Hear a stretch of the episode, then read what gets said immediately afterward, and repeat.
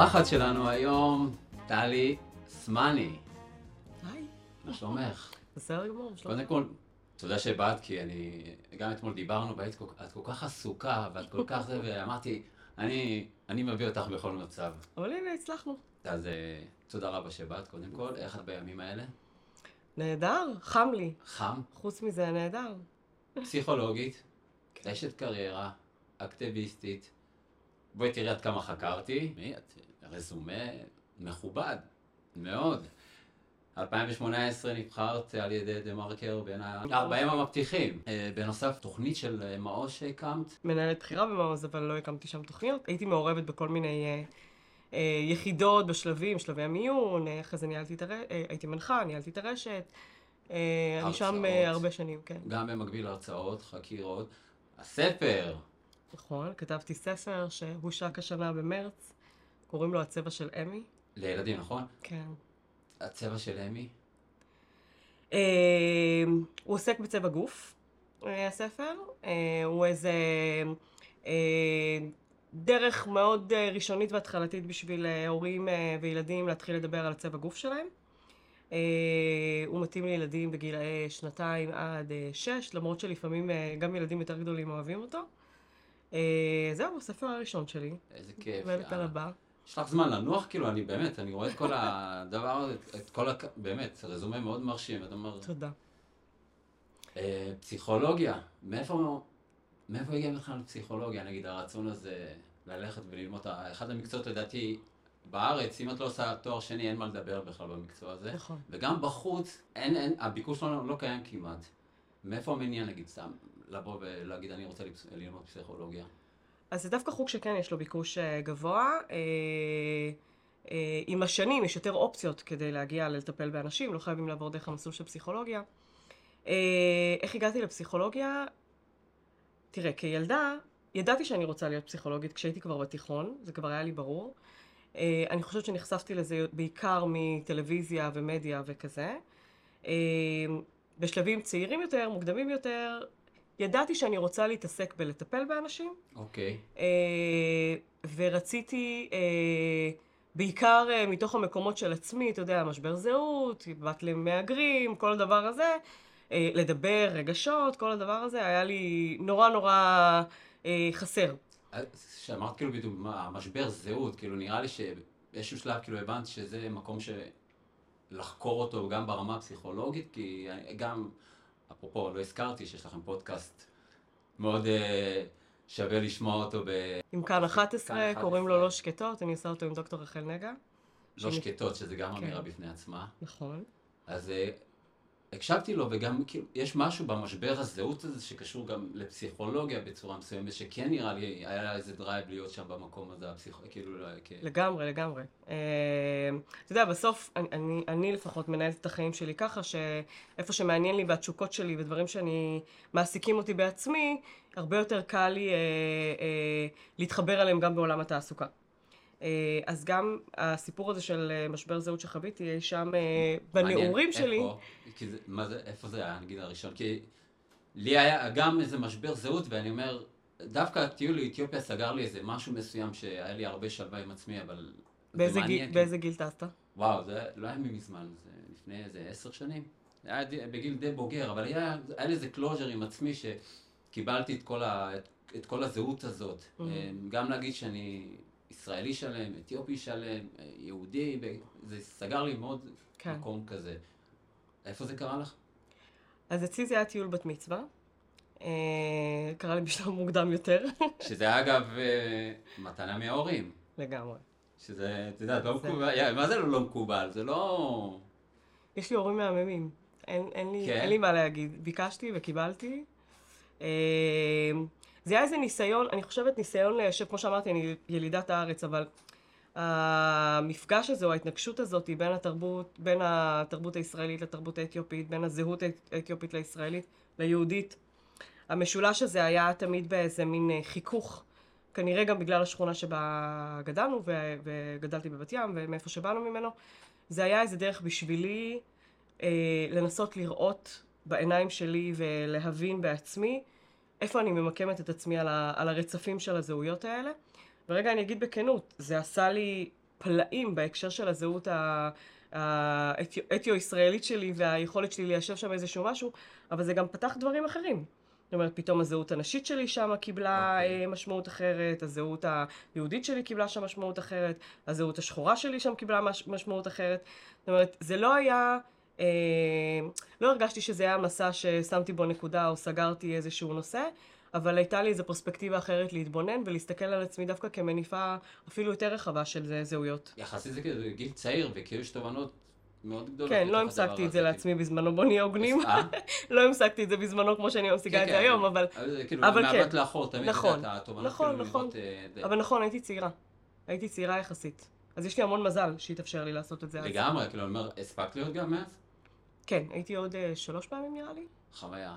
חבל על הזמן, ובכל פעם זה כאילו סיפור אחר. אני, אגב, אנחנו מדברים על זה, בטיול השני שלי הרגשתי את הדבר הזה, אמרתי, רגע, אני יורד מהשדה תעופה, כולם אתיופים, כולם נכון. מדברים אמרית. איזה קטע זה, אני הולך למסעדה, כולם אתיופים, כולם מדברים אמרית. והגעתי כבר למצב ש... הם אמרו לי, תתבייש לך שאתה לא יודע אמרית, אגב. זהו, בדיוק באתי לשאול, אתה יודע לדבר אמרית? בואי נתקדם לשאלה הבאה, כי אני, זה רגע כזה, זה קצת, אה, כאילו היום היום אני מספר על זה שאני מתבייש שאני לא יודע. Mm. זה, לדעתי, זה... לא יודע בכלל, הוא מבין. אפרופו הזהות. אם אנחנו mm-hmm. ככה חוזרים לילדות הזה, אנחנו, אני הדחקתי, הדחקתי, לא מעניין, לא רוצה, מתבייש. והיום זה כאילו, היום אני מסביר אפילו הפוך, כאילו, יש לי mm-hmm. הצגות שאני עושה לבני נוער, אז אני מספר את הסיפור הזה שהתביישתי והייתי במקום הזה, והיום אני מתבייש, שאני מתבייש להיות במקום הזה, ממש. כן. ויש לזה קטע, כי זה גם כוח, וגם שם, שם, באתיופיה נפל לי הסימון שאמרו לי, תתבייש לך שאתה לא יודע אמרית. כן. ממש ככה. אבל אתה לא יודע בכלל או שאתה מבין? זאת אומרת, אתה שומע ומבין? מבין ומדבר אה, במבטא ישראלי, שזה הכי גרוע שיכול להיות. זה, זה כבר התחלה, זה משהו. פסיכולוגיה, כאילו, למדת באוניברסיטת תל אביב, אה, נכון. תואר ראשון, תואר ושני. שני, ואיך היה בכלל החוויה בכלל? אה, גם הלימודים וגם האוניברסיטה כזה, בתוך כן. המעבר הזה, נגיד. אז החוויה האקדמית הייתה, בהתחלה הייתה מורכבת. נכנסתי ללמוד uh, תואר ראשון מיד אחרי הצבא, הייתי בת 20. מוקדם. מוקדם. לא, לא היה טיול, לא טיול, לא כלום, ישר. היה טיול, אבל ממש חזרתי ממרכז אמריקה, ולדעתי איזה שבועיים אחרי התחלתי את, ה, את הלימודים, פשוט דאגתי להירשם לפני. זה, זה היה מורכב כי הלימודים, אין מה הלימודים באקדמיה הם שונים לגמרי מהלימודים בתיכון. ומכיתה של, אני לא יודעת כמה היינו, לא זוכרת כבר כמה היינו, 20 ומשהו תלמידים, אה, פתאום את אה, מוצאת את עצמך באולמות של 100, 100 סטודנטים אה, ויותר. אז ברמה האקדמית זו הייתה סטירת לחי, השנה כן. הראשונה כן. הייתה, כן, היה לי מאוד גם, מאוד קשה. גם כשלומדים בכלל את כל השפה הזאת של האקדמיה, בכלל לוקח את השנה הראשונה בשביל להקל, ומה כן. רוצים ממך בעצם. כן. לוקח איזה שנה, ואז לגמרי. בשנה השנייה את מתחילה להתאפס, אוקיי, הבנתי את המשחק. יותר... כן, גם יש פחות אפשרות לקיצורי דרך. כאילו, מה שבתיכון יכולתי עוד איכשהו ככה לעשות, באקדמיה זה היה קצת... הייתי צריכה למצוא דרכים אחרות להגיע לקיצורי דרך שהייתי צריכה. אה, אבל זה באמת היה, שנה ראשונה הייתה קצת יותר קשה. ו... היו איתך מאוד אה, נגד אה, בני העדה? בפסיכולוגיה היינו ארבע סטודנטיות, בניהול הייתה איתי בשנה... עשית, רגע, עשיתי דו-חוגי, כן, פסיכולוגיה וניהול. בניהול הייתה איתי עוד מישהי אחת, ש... אה, אה, הייתה איתי בשנה ראשונה ושנייה לדעתי, והיה עוד בחור בשלב מאוחר יותר שהוא עשה את התואר השני שם. יש תחושה של, נגיד, את לא לבד. יש את לפחות המעגל הזה ש... נגיד כן. סתם, לא יודע, בתיכון תמיד שהיו אומרים עלינו, למה אתם מתמודדים כזה? ונגיד כן. באקדמיה יש איזה מקום שפחות... כן. כן. לא צריך לדבר מספיק בעיניים שאנחנו מבינים אחד את השנייה כן. בדברים מסוימים. כי יש כן. חוויות בתוך האוניברסיטה שאת חובה ואת אומרת, יש שם, היה שם חיבור. היו מורכבויות אחרות, אבל, אבל, אבל לגמרי זה שאת לא לבד, לי היה משמעותי. אני חושבת שזאת הייתה גם פעם ראשונה שהייתי בסביבה שבה אה, נמצאים איתי בספסל הלימודים אה, עוד יוצאות אתיופיה, שזו הייתה חוויה מרעננת. כאילו אפילו בצבא, לקראת סיום הצבא שלי, הייתה מישהי שהיום היא החברה הכי טובה שלי, אבל uh, הייתה בתפקיד אחר, זאת אומרת, לא היה לי את הדבר הזה ששתינו ממש ממש מדברות את אותה שפה וחוות את אותן חוויות בדיוק, ופה זו הייתה פעם ראשונה בעצם. אז זה היה מאוד מאוד מרענן, זה הכניס מורכבויות אחרות, אבל זה היה מאוד uh, חדש ונ... ו... ובהרבה מובנים כיף וחשוב ו... ונעים. Uh, אז אני שמחה שיצא לי לחוות את זה. היה לך ברור שאת הולכת אוטומט לתואר שני? או כן. שהעבר הזה תהליך ולהגיד, אוקיי, סיימתי תואר ראשון, אני... אין לי... אה, כן, היה לי ברור שאני הולכת לתואר... כי לא- הרבה לא- נגיד מפסיקים אחרי תואר ראשון והם הם לא רואים את הקליניקה, מה- אין, אין לי כוח להמשיך לתואר כן. השני. זה היה כאילו מסלול שאת הולכת בוודאות ל... כן, הלכתי עליו כדי להיות פסיכולוגית. כדי להיות פסיכולוגית צריך תואר שני. אה, לא, לא ידעתי שאני אתקבל, לא, לא חשבתי שאני אתקבל בפעם הראשונה שהגשתי, כאילו היו, את מדברת על התואר השני? על התואר השני, כן, היו כל מיני תהליכים בתוך זה, אבל, אבל, אבל היה לי ברור לגמרי שאני ממשיכה. לגמרי. והיום, הקליניקה, מטופלים, יש, הנה אני מגיעה משם. כן, זו חוויה בפני עצמה גם, כאילו, לא יודע, המקום של ההקשבה ושל ההכלה, זה מקום שהוא תופס חלק בלתי נפרד מתוך המקצוע הזה בסופו של דבר. הייתי אפילו, הייתי אומרת, אה, אה, יש שם עוד, עוד פקטור שהוא סופר קריטי, שכאילו לא חושבים עליו כשחושבים על פסיכולוגים, אבל זה העניין של החשיבה. אה, כי, כי זו הקשבה מאוד דקדקנית ומאוד מסוימת, אה, וההכלה או האמפתיה שאנחנו מציעים למטופלים הוא רק דבר אחד מתוך... אנחנו גם מאתגרים מטופלים לפעמים, אנחנו כאילו מציעות שם עוד מאתגרים, כל מיני... אומרת מאתגרים, זה מתוך ידיעה, בלי שאת, נגיד, המטופל יודע, או ש... אה, אתה יודע, לפעמים אנחנו רוצים אה, להרחיב פרספקטיבות למטופלים שלנו. אנחנו לא רוצים רק שהם יהיו בתוך, בתוך העולם הפנימי שלהם ובתוך כן. איך שהם תופסים את זה. ואני עוד סובייקט בחדר שיש לו מחשבות משל עצמו, תחושות משל עצמו, ש, ש, שלפעמים רוצה להביא, רוצה להביא את זה גם. אה, אבל בשביל זה צריך מאוד מאוד לחשוב. אה, והאתגר הוא להיות, בתנועה הזאת בעיניי, בין הקשבה לחשיבה. וגם כששמעתי אה, בפודקאסט אצלכם, היה דיבור, את יודעת, בריאות הנפש, מול הדבר הזה של בני הקהילה, כאילו השילוב של שני Mhm. הדברים האלה, שהוא... לי גם, כשהקשבתי, יש איזה משהו של לגשר בין ההבנה של מה שהצד השני בדרך כלל, גם אם נסתכל על החוויה שלי בתיכון ואפילו ביסודי, היה תמיד אמירות עלינו של אה, הם לא מסתכלים עלינו בעיניים, יש איזה משהו לא בריא בנפש שלה, היה אמירות כאלה שלא הבנתי אותן לאט לאט, שאחר כך הבנתי בבית, אומרים לי, אנחנו לא מסתכלים לבן אדם מבוגר בעיניים. והשילוב בין הדבר הזה, בין הבריאות הנפש לבין הקהילה, יש איזה משהו שגם כשהקשבתי לפודקאסט, איזה משהו שהוא מגשר בכלל בין כל הדברים האלה, שתבינו, שהצד השני יבין, ואיך אני בסופו של דבר מעביר את הדבר הזה. כן. אנחנו, אה, כמו הרבה תרבויות אה, ואוכלוסיות של מהגרים, אנחנו עוברים השתנות סוציולוגית, אה, תהליך החברות שלנו משתנה, אנחנו, אנחנו, אנחנו משתנים כ, כאוכלוסייה, כאינדיבידואלים בטוח, אבל כקבוצה. ואני חושבת שזה היה מאוד מאוד נכון, למשל, לדור הקודם, שבאמת היו פחות מסתכלים בעיניים. עכשיו, זה לא ממקום של הימנעות, שזה זה יכולה להיות המשגה פסיכולוגית אחת אה, זה, או ממקום של חרדה, אלא זה בא ממקום של כבוד. עכשיו, אנחנו יודעים את זה, כשהצד השני לא יודע את זה, זה יכול להזמין פרשנויות, כי הרי מה הפרשנות? הפרשנות באה מתוך העולם הסובייקטיבי שלך, העולם נכון. התרבותי שלך, התפיסות שלך, אה, ו- ובמפגש הזה בין שתי תרבויות, לא רק עם התרבות האתיופית, עם כל תרבות, יכולות להיות אה, אה, המון אה, טעויות. זה יכול להשליך בקצה של זה גם על אבחונים שגויים ועל הבחנות שגויות וזה, אה, אבל, אבל קודם רגע במפגש הראשוני.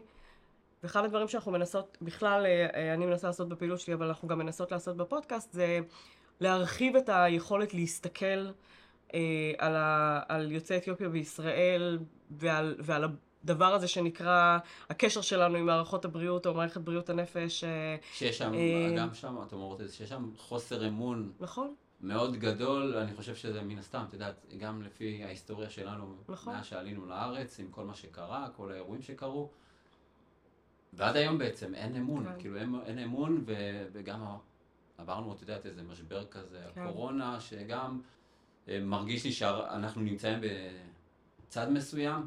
אז זה הסבר כאילו אחד. לך- זה אוקיי. הסבר אחד. מערכת היחסים של חוסר האמון שלנו עם מערכת הבריאות היא, היא הסבר אחד, אבל ההסבר השני הוא שאנחנו כיוצאי אתיופיה מסתכלים על מערכת, על בכלל, המ- המודל המסביר שלנו, מה שקוראים לו בשפה אה, המקצועית, המודל המסביר שלנו לבריאות, למהי בריאות, ואיך נראה חולי, ומה הגבולות של בריאות וחולי, ואיך אפשר להכיל את זה, ומה המקום של זה.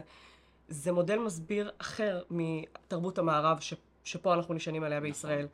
ו, וגם שם יש הזמנה ל... ל אה, או יש פתח לטעויות ולקושי בשיתוף פעולה ולקושי ב, אה, של מודלים מסבירים אחרים, אה, אז, אז יש את חוסר האמון, ויש את זה שמהותית, יש לנו תפיסות שונות לגבי מה זה בריאות ומה זה חולי. בתפ... כאילו בעניין הטיפולי את מדברת בעיקר. ב...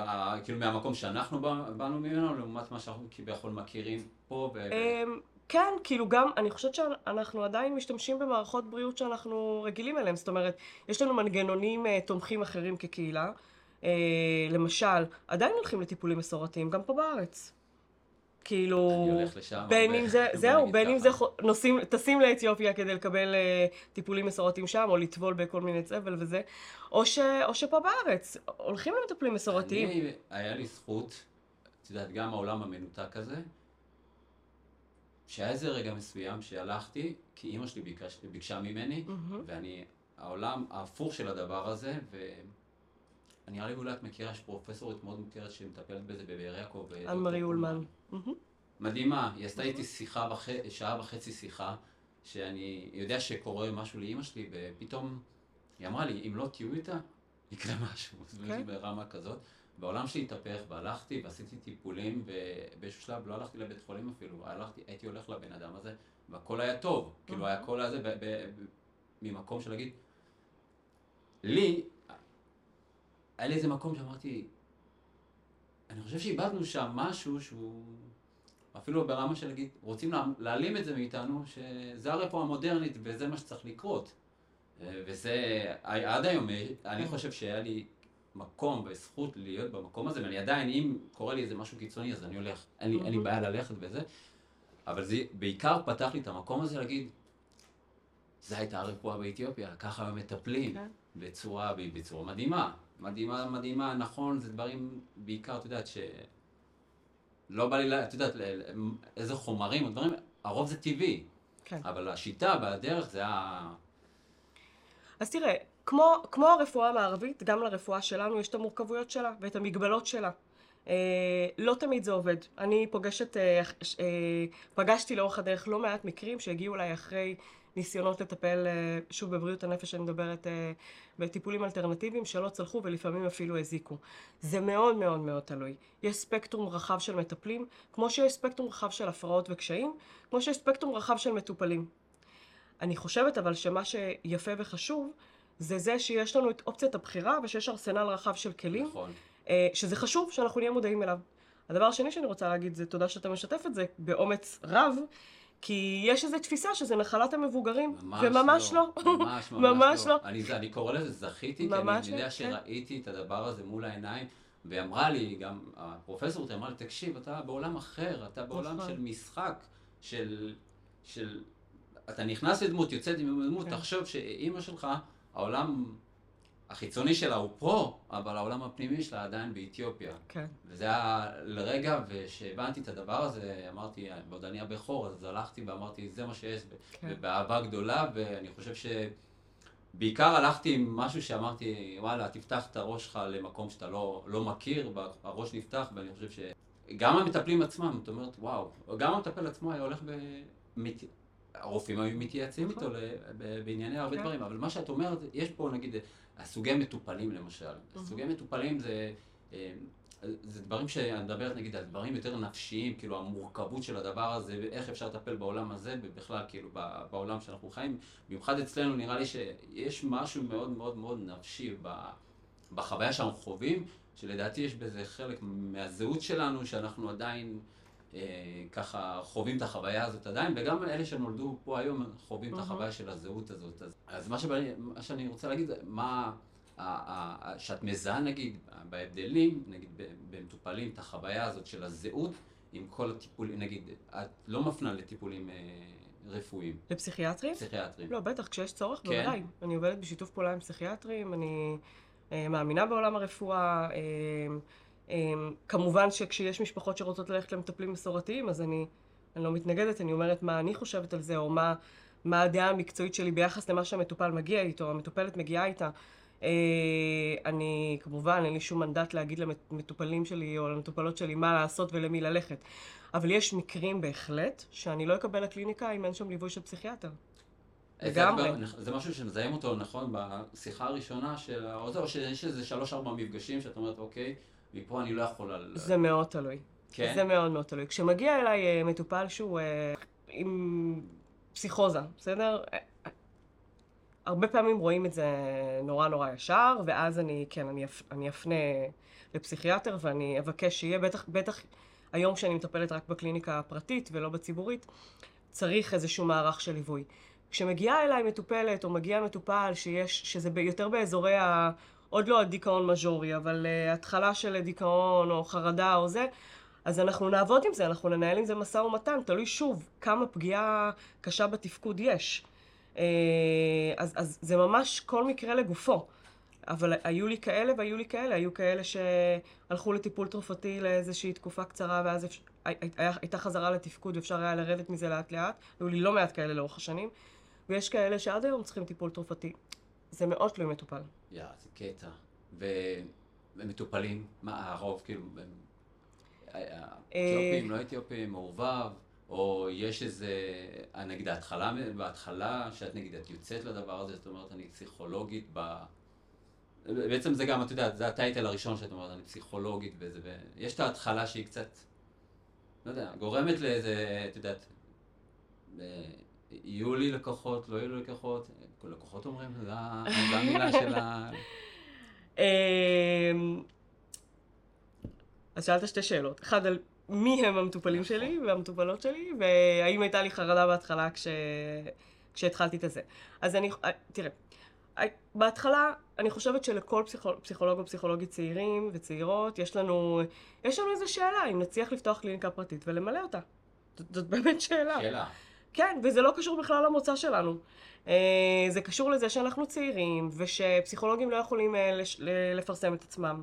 אה, תחת הקוד האתי שלנו, אנחנו לא יכולים לעשות את זה. ואנחנו, האם יכירו אותנו, ישמעו עלינו, אז יש איזו חרדה ראשונית שהיא זה. בתחילת הדרך כן היה לי גם את העניין הזה של מה יקרה כשיפגשו אותי לראשונה, האם זה... זה יפריע למטופלים, הם, בכל, הם ירצו להגיע אליי, לא ירצו להגיע אליי. זה היה נורא נורא בהתחלה, אני חושבת שהיום אני כבר ממש, אה, אין לי שאלה לגבי זה, אה, ואם מישהו לא רוצה, זה בסדר גמור, אם לא רוצים, אני לא נעלבת מזה. לא קרה לי מעולם, אני חייבת להגיד. כן. קרה לי שזה נכנס לתוך הטיפולים, שאמרו לי על זה כל מיני דברים, כתבתי על זה גם מאמר באחד, אה, אפילו שני מאמרים על זה. זה נכנס לחדר הטיפולים, אבל מעולם, לא היה לי עוד עדיין מטופלים שאמרו לי, אנחנו לא מעוניינים לבוא אלייך בגלל זה.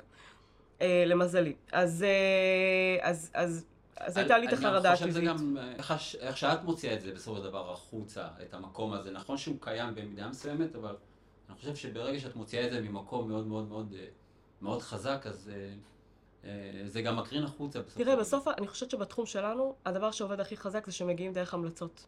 מפה לאוזן. וכשממליצים על מישהו או על מישהי, אז כאילו נראה לי שזה עושה את העבודה. אז גם אם מישהו בתחילת הדרך, אה, זה, אני מספיק מקצועית, אני מכירה את זה, אני טובה במה שאני עושה, זה בסדר. כאילו, הדלת שלי פתוחה לכל אה, מטופל, מטופל או מטופלת שירצו לבוא אליי, ואם לא, זה גם בסדר. זה בחירה שלהם, צריכים להרגיש בנוח. ממש בחירה שלהם. נגיד סתם, תוך כדי, מתי את מבינה, נגיד שאת אומרת שאני טובה? אני טובה כי אני... זה לוקח כמה שלבים כזה, זאת אומרת, אני יודעת שאני טובה, כי יש בהתחלה את ההיסוסים כן. ואת הזה.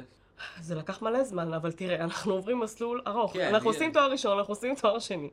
עשיתי ארבע שנים התמחות. uh, אני מומחית כבר uh, כמה שנים טובות. Uh, כאילו זה, זה נבנה הדבר הזה, כן? אני הולכת להדרכות, אני uh, עברתי בחינת מומחיות, זה, זה כאילו, לקחו כמה שנים, כן? Uh, לא, של הכשרה. כדי להרגיש, וגם לקבל פידבקים מהמדריכים שלי, מהאנשים שמלווים אותי.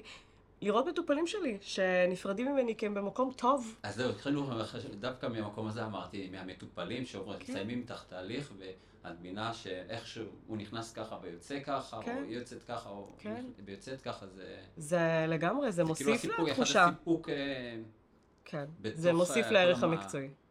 ומטופלים, מטופלות, זה, הרוב זה בני העדה או שזה לא? אה, אז אצלי זה תמיד uh, התחלק, אני, אני רוצה להגיד, uh, שליש יוצאי אתיופיה, שליש שאינם, ועוד שליש שהם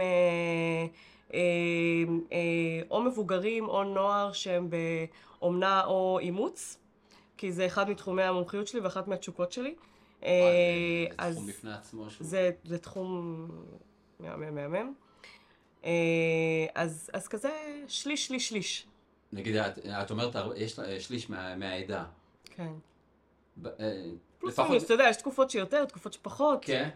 וכאילו, התהליך, סתם, אותי מעניין, גם דיברנו על זה, של הרוב הן מטופלות. הר... כן, יש יותר מטופלות ממטופלים. וזה העניין... אצלי. אולי אצל אחרים. זה- לא, זו נקודה מאוד זה מסוימת. שהייתי כן נדבר עליה, כי בסופו של דבר, גם דיברנו על זה, על המקום הזה שכן אצלנו הגברים פחות ניגשים למקום ה... לבקש את כן. הטיפול הזה. בכלל כגברים זה כללי, ואצלנו לדעתי שבתוך העדה גברים כמעט ולא הולכים לת... אני גם, אני עושה קואוצ'ינג, והרוב היו בנות, גם אתיופיות, שאפילו בן זוג, מי שאומרת לי, אני רוצה שתעזור לבן זוג שלי, והוא לא מוכן. לא, לא, יש משהו שהוא... כן. את מזהה את הדבר הזה של מאיפה זה מגיע בערך? תראה, אני מדברת נורא מהניסיון האינדיבידואלי שלי, כי יכול להיות, יש לי קולגות אה, יוצאי אתיופיה שהם גברים, יכול להיות שאצלם מגיעים יותר גברים, אני לא יודעת.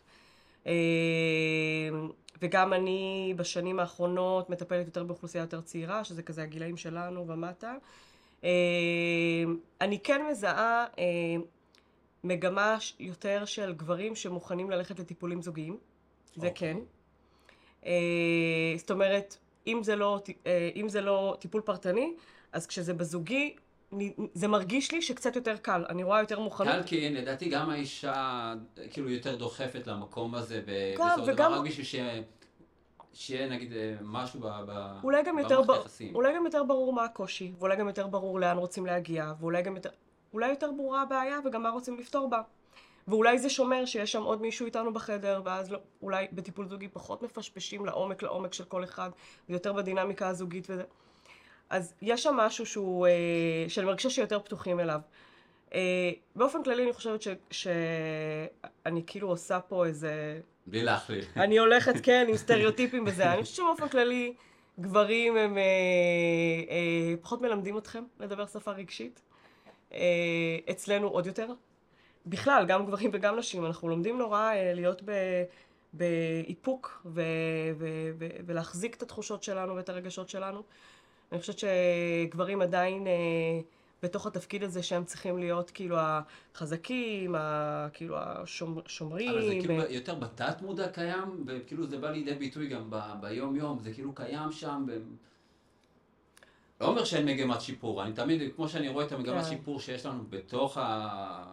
הח- החיים שאנחנו חיים פה, גם יש בזה, את יודעת, אה, כמו שאני רואה, אם לפני 10-15 שנה היה פחות הולכים לאקדמיה, היום זה כבר אין, כן. זה, האחוזים ממש הולכים ועולים ועולים, אבל גם במקום הזה ספציפית, גם דיברנו על זה, אני אומר שיש משהו שכנראה בסופו של דבר טבוע בתוכנו, דרך ההורים שלנו, שהם בעצמם בסופו של דבר לא חוו את החוויה של הטיפול הזה, דרך העלייה שהם עלו ודרך כל הסבל, ו... ואני, דיברו איתי, באמת, גם אבא שלי זרק לי, זה לא, לא דיברו איתנו, לא, לא, ט- לא, טיפלו, לא טיפלו בנו ברמה הפסיכולוגית, שזה היה פותר אולי גם לדור שלנו כן. ומתחתנו לה- הרבה דברים שהם אה, קשורים לדבר הזה. תראה, בכלל אני חושבת שהשפה השפה הרגשית האתיופית היא שפה לא מילולית. אומרים תמיד שאנחנו כאילו לא מביעים רגשות, לא מדברים. אנחנו, בעיניי, מאוד מאוד רגשיים, אבל האופן שבו אנחנו מדברים הוא פשוט אחר. הוא לא במילים, הוא לא בהמשגות, הוא לא... כאילו, להיכנס לחדר לספת הפסיכולוג, זה, זה, זה לא... זה, זה לא מקובל. זה מיומנות שצריך לרכוש אותה, ואני חושבת שאנחנו פחות כאלה, אני שוב מדברת על הדור המבוגר יותר, אנחנו נכון. בוודאי שזה קצת אחרת. ל- ולמשל אני חושבת שאחת הסיבות שהרבה יותר עובד עם נשים מבוגרות, אה, טיפול באומנות, או, או הרבה קבוצות שאני רואה שעושים הריגה וסריגה, וזה- כי זו שפה שהיא יותר מוכרת. עכשיו, זה לא שההורים שלנו, אם, אם תצפה רגע בהתנהגות של ההורים שלך, אני בטוחה שאתה תבין מתוך איך שהם פועלים, למ, כאילו, למה הם מתכוונים, איך הם פועלים, מה כרגע הם מרגישים. זה אפילו, אה, רחל ואני אה, ככה מדברות הרבה כש, אה, סביב הפודקאסט, ואפשר לשמוע את זה אפילו בהנחות. הרי אם אמא שלך אומרת לך, אה, היי, או שהיא עושה, אתה יודע שזה רגשות אחרים. לגמרי. עכשיו, מה זה היה? זה היה כאילו הבהרה שיצאה לה מהפה. אבל אנחנו יודעים א- איזה רגש עומד מאחורי זה. נכון? כאילו, כן. ואנחנו יודעים מאחורי זה להתחיל לשאול אותה כל מיני שאלות על איך שהיא מתנהלת ואיך שהיא מרגישה. כנ"ל לגבי הגברים. אני חושבת שפשוט, אנחנו שגדלנו פה, האוזן שלנו לא מיומנת, לי לקח המון שנים להבין את זה, האוזן שלנו לא מיומנת לסוג הקשבה שהוא כזה, אנחנו רגילים להקשיב למילים, אנחנו רגילים להסתכל על התנהגויות אולי ולהבין מה הביטויים שלהם, אנחנו, זאת פשוט הקשבה אחרת. אמ, אז, אז אני כן אגיד, אם, אם נחזור לעניין הגברים, אני כן חושבת שבשנים האחרונות, אני רואה לפחות בשנים האחרונות, והיו אצלי גם גברים, כן. גם ממוצא אתיופי בקליניקה, שכן אה, כן מגיעים ומבקשים עבור עצמם אה, להתפתח אה, רגשית ו, ו, ולהבין שנייה מה החסמים שלהם ומה מעכב אותם, או אפילו לאבד ולעכל את האופן שבו הם גדלו, את הדרישות של המציאות מהם, כגברים, כגברים שחורים, ככזה. כן, כן, אני כאילו אומר, ביחסית לדור של, את יודעת, מתחתנו היום כן, אה, כן עושה את זה, פשוט אני אה, כאילו מנסה לעשות את אבל זה החיבור נכון בין- שיותר נשים הולכות, זה נכון, כאילו בחוויה, ב- בניסיון, מה שאני רואה. כן, בכללי זה זה, נכון, יותר, אה, הם, הם יודעות לבקש את העזרה. גם יודעות קצת יותר להישען, וגם אני, גם מדברות שפה יותר רגשית, וגם אני חושבת שמחפשות יותר אה, עבור עצמן ערוצים מהסוג הזה להתפתחות אישית. שזה גם, זה תחת גם הכותרת הזאת. אז, אז כן, אני גם, אני גם שותפה לזה שמגיעות יותר נשים. בפודקאסט אתמול שמעתי, היה שם איזה מקום ש... משהו שכזה הוציא אותך מהשלווה שלך ב- ב- תוך כדי הלימודים, וכאילו הפכת להיות מסטודנטית אה, שלומדת אה, פסיכולוגיה לאקטיביסטית בערך. זה היה סביב אה, ההתאגדות של הבניין בקריית מלאכי, שלא מוכרים דירות ליוצאי אתיופיה. כן. וזה כאילו, שעשה עשה לך איזה שינוי מסוים ש... בוא נגיד ככה, אני עד המחאה של 2015, חייתי באיזה עולם אוטופיה שלי, כזה אי אפשר להגיד. חייתי, כאילו, אמרתי, יש, אני יודע שיש, הכל קיים. ובמחאה של 2015, אני גרתי ממש בכיכר, ליד כיכר, Mm. וקיבלתי שם את הכאפה הראשונה Mm. שלי, כאילו, אמרתי. הלך לי שבוע ככה, ואפילו כתבו על זה איזה משהו, כתבתי על... אה, כזה כמה שורות כתבו על זה ב- בידיעות אחרונות, מהמם. ושם קיבלתי את הכאפה שלי, שאמרתי, אתה... אבל מה הייתה הכאפה? כאילו, מה, תגיד. שלא הבנתי את העוצמה של ה... הרגש שיוצא החוצה, ואת הכעס הזה שיוצא החוצה, ואת ה...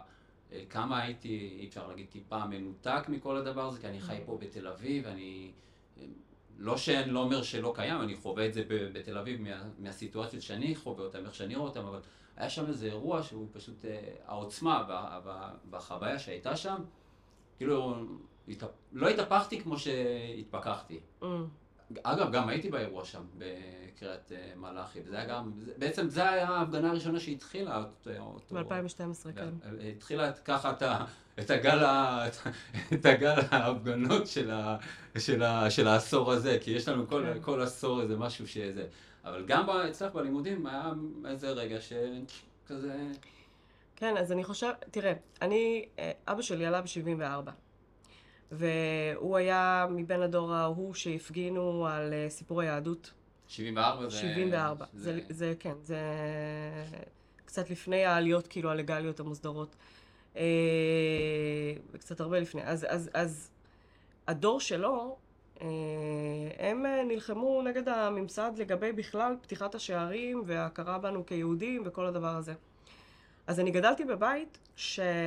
שהסיפורים על uh, מאבק נגד הממסד היו שם, נכחו שם, זה לא היה זר לי.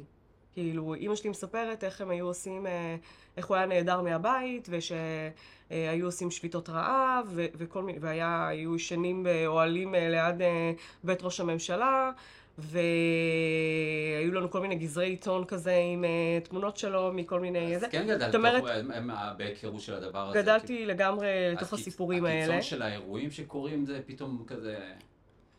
אני חושבת שמה שקרה לי שם, אה, זה ההבנה שזה לא היסטורי, זה עכשיו. הבנתי, זה משהו אומרת- שלא ראיתי, אני רואה את זה מול העיניים שלי. זה, זה משהו שהוא לא רק שהוא יכול לקרות לי, לא משנה כמה מאמץ אני, מה זה כמה מאמץ? לא משנה כמה נהדרת אני בעולם, זה, או החברים שלי, לא משנה, המשפחה שלי. זה בכלל לא משנה מה המאמצים שאני עושה כדי להיות אזרחית, אזרחית טובה, לא אתיופית, אזרחית טובה. הדבר הזה יכול להיות לי, כאילו, להיות לי לרועץ, במרכאות, ו... ויותר גרוע מזה שזה יכול לקרות לי, זה יכול לקרות לילדים שלי. היה בזה משהו שנורא נורא הבהיל אותי. כי, כי כשאני גדלה על הסיפורים של אבא שלי, אני גדלה על סיפורים שבאיזושהי מידה השתנו. זאת אומרת, היו עליות אחרי שהם נלחמו הדור הזה, אה, הספק יהדות, אני לא יכולה להגיד שהוא לגמרי נעלם מן העולם, אבל משהו ביחס כלפיו השתנה. זאת אומרת, הם הצליחו להגיע לכל מיני הישגים. פה זה היה משהו, הוא לא היה רחוק, הוא לא היה אמורפי, הוא היה על אם אני יכולה לקנות בית במדינה שלי. זה היה לי כבר אה, מטלטל מסוג אחר. ואז, אתה יודע, זה מצחיק, כאילו, מה זה, מה זה אקטיביסטים? זו הגדרה מאוד מאוד רחבה. אני פועלת לשנות את המציאות שבתוכה אני חיה. אבל זה גם, סליחה שאני צריך, אבל זה כאילו קורה מאיזה אירוע מסוים שפשוט... כן, אבל אתה יודע... אני, אני, אני, למה אני מחייכת? כי אני נזכרת שדוד שלי, יש לי איזה דוד שאני מדברת עליו גם בפודקאסט, הוא ממש, אה, הנשמות שלנו קשורות זה בזה. והוא שלף לי איזה פעם אה, אה, עיתון שהוא שמר, עיתון בית הספר, כשאני הייתי בתיכון. מסתבר שכתבתי על זה. שום, אין לי שום זיכרון של הדבר הזה. אבל הייתה, היה אירוע של הפרדה של אה, בתי ספר, אה, כאילו סגרגציה בבתי ספר תקווה. בפתח תקווה. נכון. מסתבר שכתבתי על זה לעיתון בית הספר. אוקיי. לא זכרתי את זה. זאת בעיניי פעולה אקטיבית. אני ואחותי היינו אתיופיות היחידות בבית ספר. אה, זאת אומרת, העליתי את זה למודעות, היה שיח סביב זה, הוא כאילו, הוא ממש אה, הביא לי את העיתון וסיפר לי על... וכתבתי, אה, אה איך קראתי לכתבה שכתבתי? להיות... אה, אה, אה, שונה בין דומים, או מין משהו כזה. כאילו, בעצם, התחלנו מהמשבר שהיה לי בגיל 12, על רגע להבין, כאילו זה משהו שהסתובב איתי לאורך השנים. כן. אני חושבת שהיום, כבוגרת וכאשת מקצוע, מצאתי נתיבים אחרים להתחיל אה, לפעול בתוכם. יש לי את הטיקט של הפסיכולוגית הקלינית. זה עולם שאני פועלת בתוכו, אה, ולשם אני מנתבת את כל הפעילויות שלי ואת היכולות שלי. זה גם עולם שיש לי בו יותר ידע. זאת אומרת, אני לא אלך, כנראה שלא תמצא אותי היום נאבקת בעולמות של אה, משפט, או אה, לא יודעת מה, אה, דיור, או כל מיני כאלה. זה לא תחומי המומחיות שלי, יש חכמים וטובים יותר ממני. אבל בעולמות שבהם יש לי גם השפעה וגם ידע, אז זה הערוצים שאני בוחרת לפעול בהם כדי לשנות את המציאות שאנחנו חיים בה. זה, זה, זה מה שאני יכולה להגיד. אני כל פעם, אני מופתע כל פעם מכל מה שקורה, אבל עדיין התהליכים עצמם של, ה, של הדבר הזה, זה, mm-hmm. היום יש, יש אותנו שכן מדברים על הדברים האלה, נגיד את בתור המקצוע, זה כן עומד את הפנים של הדבר הזה, אם פעם פחות היה ודברים כאלה שאני אומר, החוויה הולכת ונהיה קצת, לא, לא יודע אם לקרוא לה יותר טובה, אבל היא יותר אה, מסבירה, נגיד, אה, בסיטואציה הזאת. אפרופו דיברת על ילדים וכאלה, ואני עשית דוקטורט. אני במהלכו, אני במהלכו. שזה גם מעניין, אה, התחום כן. שאני מתעסקת כן. בדוקטורט הזה. אז כמו שאמרתי קודם, אני מתעסקת בדברים שמעניינים אותי, לא, לא. אני פוגשת בחיים האישיים שלי, זה... אני כאילו מטיילת, מחברת בין התשוקות שלי לבין העולם המקצועי. זה את עושה באוניברסיטת באר שבע? כן, אני עושה בבן גוריון בבאר שבע. אה, אה, אני ממש יחסית עדיין בהתחלה שלו. אה, אני מנסה לחקור אה, את האופן שבו הורים שחורים מתווכים לילדים שלהם את השחורות שלהם. אה, זה נושא שמעסיק אותי מאוד, קליר לי גם בגלל חוויות החיים שלי כ... זה, זה מאוד, את יודעת, מחבר את הדבר הזה עכשיו, של, כן. מה שדיברנו על הדבר הזה, שבסופו של דבר זה מעניין. עצם, אני, זה את בחרת, את בוחרת את הדבר, נכון? כן, כן, כן. כן, שאלת המחקר לגמרי. אה, עצם המחשבה לדעתי, לחשוב על זה, אה, איך מתעסקים עם זה. זה, זה האמת שזה נולד אחרי אה, אה, הרבה שנים. אחד, יש אותי בעולם שמסתובבת עם, עם החוויה הזאת של, אה, של צבע עור, שרגע אני אגיד, הוא, היא לא חוויה חד משמעית. זאת אומרת, נכון שרוב חיי הייתי... אתיופית יחידה בכל מיני אה, זה, ואז היה לזה משמעות כאילו לצבע. אבל uh, עכשיו אני מגיעה אליך שזופה, אבל, uh, uh, אבל גם כמישהי שהיא בהירה בתוך, בתוך האוכלוסייה שלנו, של יוצאי אתיופיה, אז גם שם הייתי על הרצף הלבן, וזה היה, גם פה חטפתי, זאת אומרת, זה קטע. לא היה, לא באמת, uh, זה לא היה uh, כזה פתור וקל uh, באף אחד מהצדדים.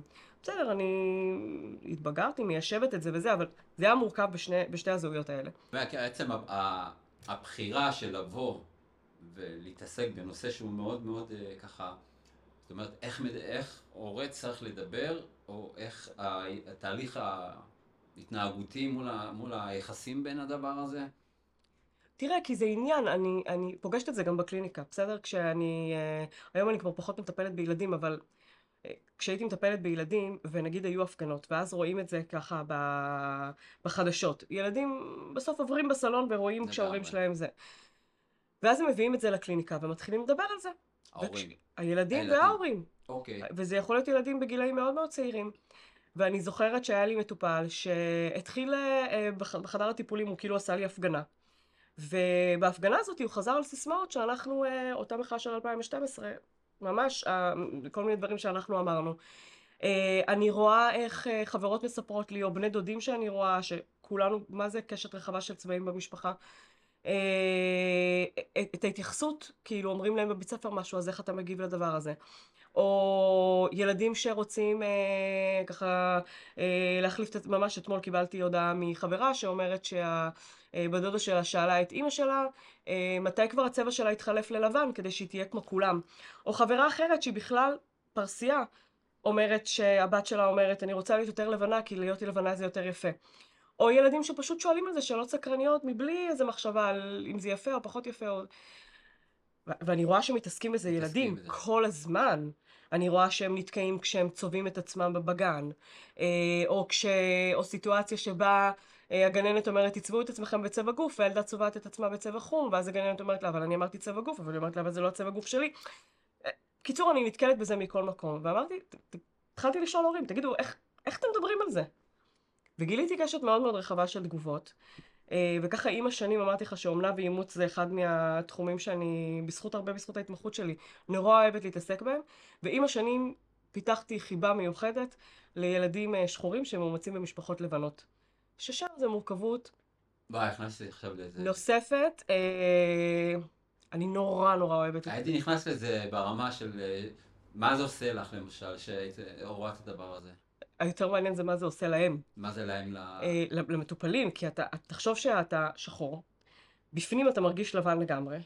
איך מטופלת שלי אומרת לי, אני בכלל פולניה, זה, הצבע הוא מקרי. וכל מי שהם פוגשים מסביבם הוא לבן, ככה נראית המשפחה שלהם. לתוך הדבר הזה הם צריכים, לגד... כאילו, הם גודלים, מה זה צריכים? גודלים לתוך הדבר הזה. הם כמעט ולא פוגשים דמויות שדומות להם. הם פוגשים אותם בקניון כמנקות, הם פוגשים אותם בקניון כמאבטחים, הם פוגשים אותם, ופתאום נכנסים לחדר עם פסיכולוגית שהיא שחורה. זה עניין, גדול. זה עניין, אני מדברת על זה עם המטופלים שלי, זה עניין לי חיבה מיוחדת מאוד, באמת, למטופלים מהסוג הזה. אה, ו, וגם איתם זה עניין, כי צריך לדבר על הצבע, ואז ההורים, אז ההורים מספרים לי, אז אנחנו הולכים בסופר, והקופאית מדברת איתם באמרית, ואז היא כועסת עליי, למה הוא לא יודע לדבר אמרית? ואז היא אומרת, אבל הוא פולני, מה, מה הוא ידבר אמרית? אני אלמד אותו אמרית, הוא פולני, מה קשור עכשיו איזה? או הוא צרפתי, או הוא לא משנה איזה, כל, כל מיני מוצאים היו לי לאורך השנים. וואלה, הם צודקים. הם צודקים, אבל הדבר הזה שהצבע שלנו הוא כרטיס ביקור, זאת סוגיה. אותי זה מרתק, לכן אני רוצה לחקור אותה, לראות איך מדברים על זה. זה שזו סוגיה בפני עצמה, אני חושב שזה בעצם גם מפריד בינינו לבין כל העליות בסופו של דבר. אני כאילו, אנחנו, יש את כל העליות, יש אותנו, אין מה לעשות, אי אפשר להוריד את זה. מ... כאילו, זה בסופו של דבר נגמר ביחס אלינו, או בהסתכלות אלינו. לא יודעת של לא יודעת דבר. אם העליות האחרות הסכימו על הדבר הזה, הכל שמה? יחסי. לא, יחסי בסופו של דבר, את בסוף יודעת, היו אם אני מסתכל, הפנתרים את יודעת... השחורים, הם היו Hmm? הפנתרים השחורים. כאילו, היה זה, לך... זה המ- המילה עצמה, בסופו של דבר, מהנקודת בסופו של דבר, זה מה שאנחנו חווים. מה. שאנחנו חווים כן. בנקודת מבט שלי, אני תמיד אומר לחברים שלי, שמה, יש באמת אה, גזענות? לא, בוא, קח את הצבע שלי לשבוע והכל בסדר, תאמין, אתה... לא, יש גזענות, יש, שאלה על אה, זה, אני בכלל, זה לא, אפילו לא דיון שצריך להיכנס אליו. אבל הסיפור של השחרות הוא באמת עניין יחסי, כי מרוקאים ותימנים יכולים להגיד את אותו הדבר. נכון, אגב, גם בתוך. האוכלוסייה הערבית. יש, יש ערבים שחורים, אתה תראה, אתה תראה את ההבדלים ביחס. בסדר, אפשר להגיד זאת גם. אצלנו, עם כל הכבוד, ודאי, מדברים על זה בצורה ודאי, של, אה, ודאי. את יודעת, אה, לא, לא... אנחנו לא חפים אה, בעצמנו מ... בתוך, בתוך המה... אנחנו בני אדם, לנו- וכבני אדם יש לנו גם זה- חלקים כאלה. וזה גם מעניין, כאילו, יש משהו גם בתוכנית שדיברתם על הקטע הזה, על ה... התחלת להגיד חום, חום, חום, חום. זה כאילו, אתה יודע, זה עניין של... להגיד מילים של... איך אנחנו נכנסים לתקופה של נרמולים, אני קורא לזה, כל דבר אפשר לנרמל אותו. שזה קצת, אה, את יודעת, אה, אני לא נפגע נגיד שאומרים לי שחור, את יודעת, לא, יש, את יודעת שיש את העניין של האינטונציה בדרך כלל. כן. המילה נאמרת. ושם אני יודע להקשיב ולהגיד, אוקיי, אין לי מה לזה, אבל כאילו פתאום יש את המילה פתאום חום. לא נראה לי ש... כן, טוב, אז אפשר להיכנס לסיפור הזה. תראה, בסוף שחור ולבן זה צבעים פוליטיים. אני לא מכירה שום בן אדם שהוא לבן באמת, ואני לא מכירה שום בן אדם שהוא שחור באמת. זה צבעים, זה שפה פוליטית, כאילו, כדי לעשות, אה, אה, לייצר איזה דיכוטומיה, איזה נפרדות, איזה קונטרסט, כאילו... אה, אנחנו כולם על אה, רצף של אה, כל מיני סוגים של גוונים. גם הבהירים ביותר וגם הכהים ביותר, הם נמצאים על איזשהו רצף של שילוב של חום, אדום, כתום, צהוב, לא יודעת, כל מיני צבעים כאלה שהם צבעי יותר אדמה כזה. כן. אה, וגם אנחנו כש, כאנשים שחורים, אנחנו לא גוון אחד, אנחנו ספקטרום מאוד, אני ואתה שונים, כאילו ספקטרום מאוד מאוד רחב. כנ"ל לגבי לבנים, כמו שאנחנו קוראים להם לבנים. אז זה נורא תלוי ב, במה אנחנו רוצים להשתמש. באמת של החיים, כן, אנחנו יותר חומים. כן, כי אני אגיד לך... זהובים כזה. נראה לי שה... גם בתוך התחום שלך כפסיכולוגית זה מאוד מעניין, בתקופה היום שאנחנו חיים, העניין של הפוליטי קורקט הוא מאוד מאוד מאוד, צריך לברור את המילים שאנחנו אומרים, אז, אז זה הופך להיות גם מהמילה הזאת למילה הזאת, כדי לא לפגוע, וגם הצד השני צריך, יש, יש סוג של התנגשויות כן. כזה שאנחנו מאוד צריכים לזור, ממש לברור את המילים שאנחנו אומרים, וכי הפוליטיקה הוא נכנס, הוא, הוא פה, הוא כן. קיים, וגם לגבינו, כאילו איך ש... את יודעת, מדברים, כן. אז אה, שאלה אז... אם את יודעת, אנחנו... כל דבר היום, או כל uh, דבר זה הפך להיות כזה, יש, יש לו משקל, איך הוא... יש לי בהקשר הזה אה, שתי פריבילגיות כפסיכולוגית ומורכבות אחת. שתי הפריבילגיות שלי זה שבחדר הטיפולים אין פוליטיקלי קורקט. אוקיי. Okay. בסדר? יכולה לשבת מולי מטופלת ולהגיד שהיא לא סובלת אתיופים, וזה בסדר גמור. זאת אומרת, אני עובדת עם זה, מרגישה לגבי זה דברים וזה, אבל היא לא לא יכולה להגיד את זה. זה לא מרחב כזה. אז יש לי את הפריבילגיה הזאת, וזה נהדר. Uh, הפריבילגיה הנוספת היא שיש לי את היכולת, וזה, וזה מיומנות שיש לי, כ, וזה חלק מהתפקיד שלי, לתפוס דברים בצורה שהיא מורכבת, ולהסתכל על דברים בצורה שהיא מורכבת. Uh, המקום שזה נעשה בו קצת uh, ככה זה, אחד זה באמת כשאת ממשיגה דברים ואת אומרת דברים uh, אולי פומבית, אז זה, זה קשה לצייר מורכבות מבלי, מבלי להתאפס כאילו את כאילו כל דבר אה, מסייגת את עצמך. זה מאוד מאוד קשה לדבר בצורה שהיא מורכבת, זה יותר קל לחשוב ולהרגיש את זה מאשר לדבר את זה. אה, ואז, ואז זה באמת יכול, אה, יכול קצת לסבך שם. כן. אבל כשאת רואה דברים בצורה שהיא מורכבת ולא דטרמיניסטית, על אף שלפעמים אני נשמעת ככה כשאני מדברת, אבל, אבל אני לא תמיד, אני בדרך כלל לא בן אדם דטרמיניסטי בתפיסות שלו, אז פחות נכנסת לפינות האלה של הפוליטיקלי קורקט. אני גם פחות נבהלת ממה שאנשים, כאילו זה פחות מבהיל אותי. גם אותי, אני לא, מת, לא מתרגש מזה, אבל לפעמים זה, זה נשמע כזה שזה, זה קיים, זה, זהו, זה, אנחנו פה ואנחנו צריכים מאוד לברור בעיקר הצד השני, את יודעת. כן. אה, ב... כן, זה, תשמע, זה מורכב, כי כאילו מצד אחד אתה רוצה להיות מסוגל לדבר על דברים, ולה, ולהגיד הכל, ולדבר על מורכבות, נכון. וגם, וגם לשים דברים על השולחן, גם כשהם קשים. נכון.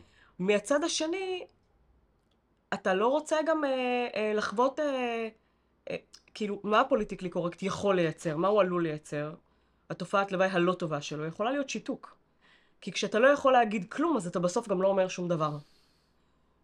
וזה מורכב. אז אני אומרת, אני לא דמות אה, ציבורית פוליטית, אז אני לא צריכה להתעסק עם, ה, עם הדבר הזה כמו הרבה אנשים אחרים. באמת יש לי את הפריבילגיה להיות בתוך המקצוע שלי אה, שמורה. אה, אפרופו פסיכולוגית, ויש לך מטופלים שהם אה, אתיופים. כן. ושם את פתאום מגלה שהם קרובי משפחה שלך, כזו, יש איזה קרבה ארבע דורות, או דברים כאלה שאת אומרת, אוקיי, אה, אז תראה, אם זה קרבת משפחה שאני מכיר, זאת אומרת יודעת עליה, אני לא מקבלת, אין סיכוי. קרובה. שזה... אה, אפילו ארבע דורות שאני מכירה, לא, לא יקרה. כאילו, לא. זה לא, לא. לא יקרה, זה לא נכון לטיפול, זה מכניס הרבה מאוד סיבוכים, זה גם לא נכון אתית, וזה... זה, זה לא יקרה, אני לא אקבל. Uh, בפעם הראשונה כשאני פוגשת מטופל, אז אנחנו...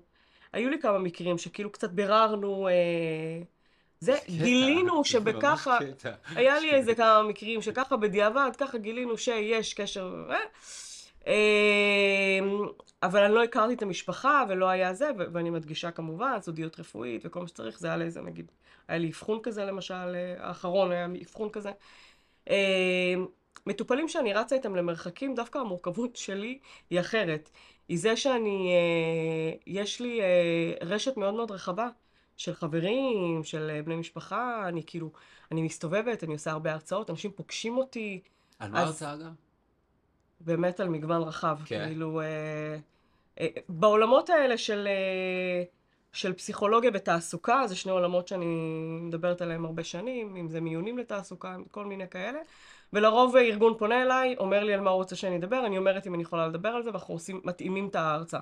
עולמות גיוון, עולמות, באמת ארסנל רחב של דברים שאני מתעסקת איתם. אה, אבל אז שם זה, זה עניין, כי אני יכולה להגיע למין מופע כזה, או לתת הרצאה כזאת, או לזה, ואני עלולה לפגוש שם אה, או מטופלי עבר או מטופלי הווה. זה מורכב כשאנחנו יודעים, לרוב אנחנו יודעים שזה הולך לקרות, או יודעות שזה הולך לקרות, כי מרבית אצלי בקליניקה הם נשים. אה, אנחנו מדברות על זה לפני. את מדברת גם על אירועים, זה יכול להיות זה יכול... היו לי גם אירועים משפחתיים. לגמרי. שמהצד השני פתאום היה, כן, היו, היו מקרים כאלה. זה לייצר, כמו שאומרת, נגיד מודעות מההתחלה, אם קורה דבר כזה, יודעים איך להתנהג, או שבסופו של דבר... אה, אז זה נורא תלוי באיזה מטופלת מדובר. תראה, יש מטופלות שהגיעו אליי בגלל ששמעו אותי, ראו אותי. הייתה לי מטופלת אחת שלמשל הגיעה לכמה הרצאות שלי באופן עקבי, ואז החליטה שהיא רוצה שאני אהיה המטפלת שלה. אז אה, זאת אומרת, זה מתוך קהל רחב, וזה לא, לא היה בינינו שיח אישי, אבל אה, זה... אז כשאני יודעת שזה יכול לקרות, אנחנו מדברות על זה די בהתחלה. אמ, אבל גם אל מול מופע קונקרטי, זאת אומרת, אם אני הולכת עכשיו להגיע לאיזשהו מפגש חברתי אה, או סלאש משפחתי, סלאש אה, אה, מקצועי נקרא לזה, ואני עלולה לפגוש שם מטופלת, אז אנחנו יודעות שאנחנו הולכות להיות באותו אירוע, אנחנו נדבר על זה לפני. וגם אחרי הרבה פעמים, כדי רגע להבין איך אנחנו מתנהלות שם בתוך, ה... בתוך המפגש הזה. זה מעניין לגמרי. זה... כן, זה מכניס, זה מכניס כל מיני עניינים לקליניקה, והיו מקרים ש... או המטופלת או אני בחרנו לא להגיע למופע כדי להימנע מהמפגש הזה. בהכיר מקרה קיצון? אני לא יודעת אם זה קיצון, אני חושבת קודם כל על טובת המטופלים שלי. אמ, אם, אם חשבנו ביחד שזה לא מתאים שאני אגיע לאירוע, אה, כי זה היה הדבר שהוא נכון טיפולית עבורה, עבורי, זה מה שעשינו. אה, אם היה מקרה שחשבנו שזה נכון אה, טיפולית עבור מטופלת, ש... היא לא תגיע למופע שאני, נגיד, הייתי ההרצאה המרכזית בו, מין משהו כזה. אה, ולא הייתה לי אפשרות לחזור בי מההרצאה הזאת או משהו כזה. אז, אז כן, אז היא לא הגיעה. אבל בכללי זה לא אמור לקרות ככה. נגיד, בגלל, את יודעת, שיש קרבות משפחה או דברים כאלה, אצלנו האירועים הם, ברוך השם, קורים, אבל אז זה דווקא, דווקא אני לא, אני פחות פוגשת בסטינג אה, משפחתי. כי אני, אני גם כזה משפחתית נורא, אז אני מכירה פחות או יותר מה, ואני באמת לא מקבלת. זה קורה לי הרבה יותר בסטינג מקצועי. הרבה יותר כשאני מעבירה סדנה, כשאני עובדת עם ארגון, כשאני מעבירה הרצאות, כשאני עושה איזשהו מופע, כש... זה, זה קורה לי יותר באזורים האלה. דווקא המקצועיים. ואז אפשר לכאורה להגיד, אבל זה סטינג מקצועי, את באה ואת מדברת על טיפול, וזה, אבל כשאת מדברת, בדיוק כמו שאני עושה פה, שזה תמיד התסבוכת שלי אם להסכים או לא, ולכן דיברנו כמה פעמים, uh, בסוף אני מביאה גם את עצמי, אני מביאה את החיים שלי, את הבן אדם שאני, אני, אני בטח נשמעת גם אחרת מאיך שאני, אני יודעת שאני נשמעת אחרת מאיך שאני נשמעת בקליניקה, אני פה הרבה יותר אומרת ומשתפת מאשר שואלת וחושבת, אני יכולה, הנושא או אני יכולים להיות במרכז, ולא המטופלים שלי. אז זה, זה מכניס תסבוכת, כאילו, ולכן צריך לחשוב את זה, צריך לחשוב את זה. ואשת קריירה, כאילו, את באמת, אני רואה את כל הדברים שאת עושה, את אומרת, יש איזה מקום כזה, זאת אומרת, לא יודע, מכוונת לאיזה מקום, שכאילו זה המקום של העניין של הטיפולי, זה כאילו משתלב גם עם העניין ה... להיות אקטיביסטית. מבחינתי כל מה שאני עושה משתלב אחד עם השני. אה, אני, אני... כאילו יש קצת הפרדה פסיכולוגית ויש, את יודעת, האשת קרב עם אקטיביסטית, זה כאילו, די, כזה, מתחבר אה, שניהם ביחד. אז, אז אני, תראה, בסוף אני, אני אומנם מנהלת, אבל אני עובדת בארגון שהוא חברתי, שהוא עוסק ב... בפלטפורמה שהיא כלל ישראלית, שחושבת מאוד ומאמינה מאוד בגיוון. אה, אני מנהלת צוות, אני מביאה את המיומנויות הפסיכולוגיות שלי לשם, אז בעיניי כל העולמות שלי משיקים. אה, ובגלל שאני כזה, יש לי יוזמות אה, כאלה, רעיונות וזה וזה, אז אני מצליחה כאילו לעשות כל מיני דברים. תוכנית מעוז גם? תוכנית כן, אז- פלטפורמה כלל ישראלית היא... שהיא, אשמח שתרחיב על זה, כי זה באמת אה, היום, אה, לא, אני לפחות לא הכרתי עד לפני שנתיים כל התוכניות האלה, כמו ארקיע, או רקיע, רקיע, מנדל, אה, מעוז. כן.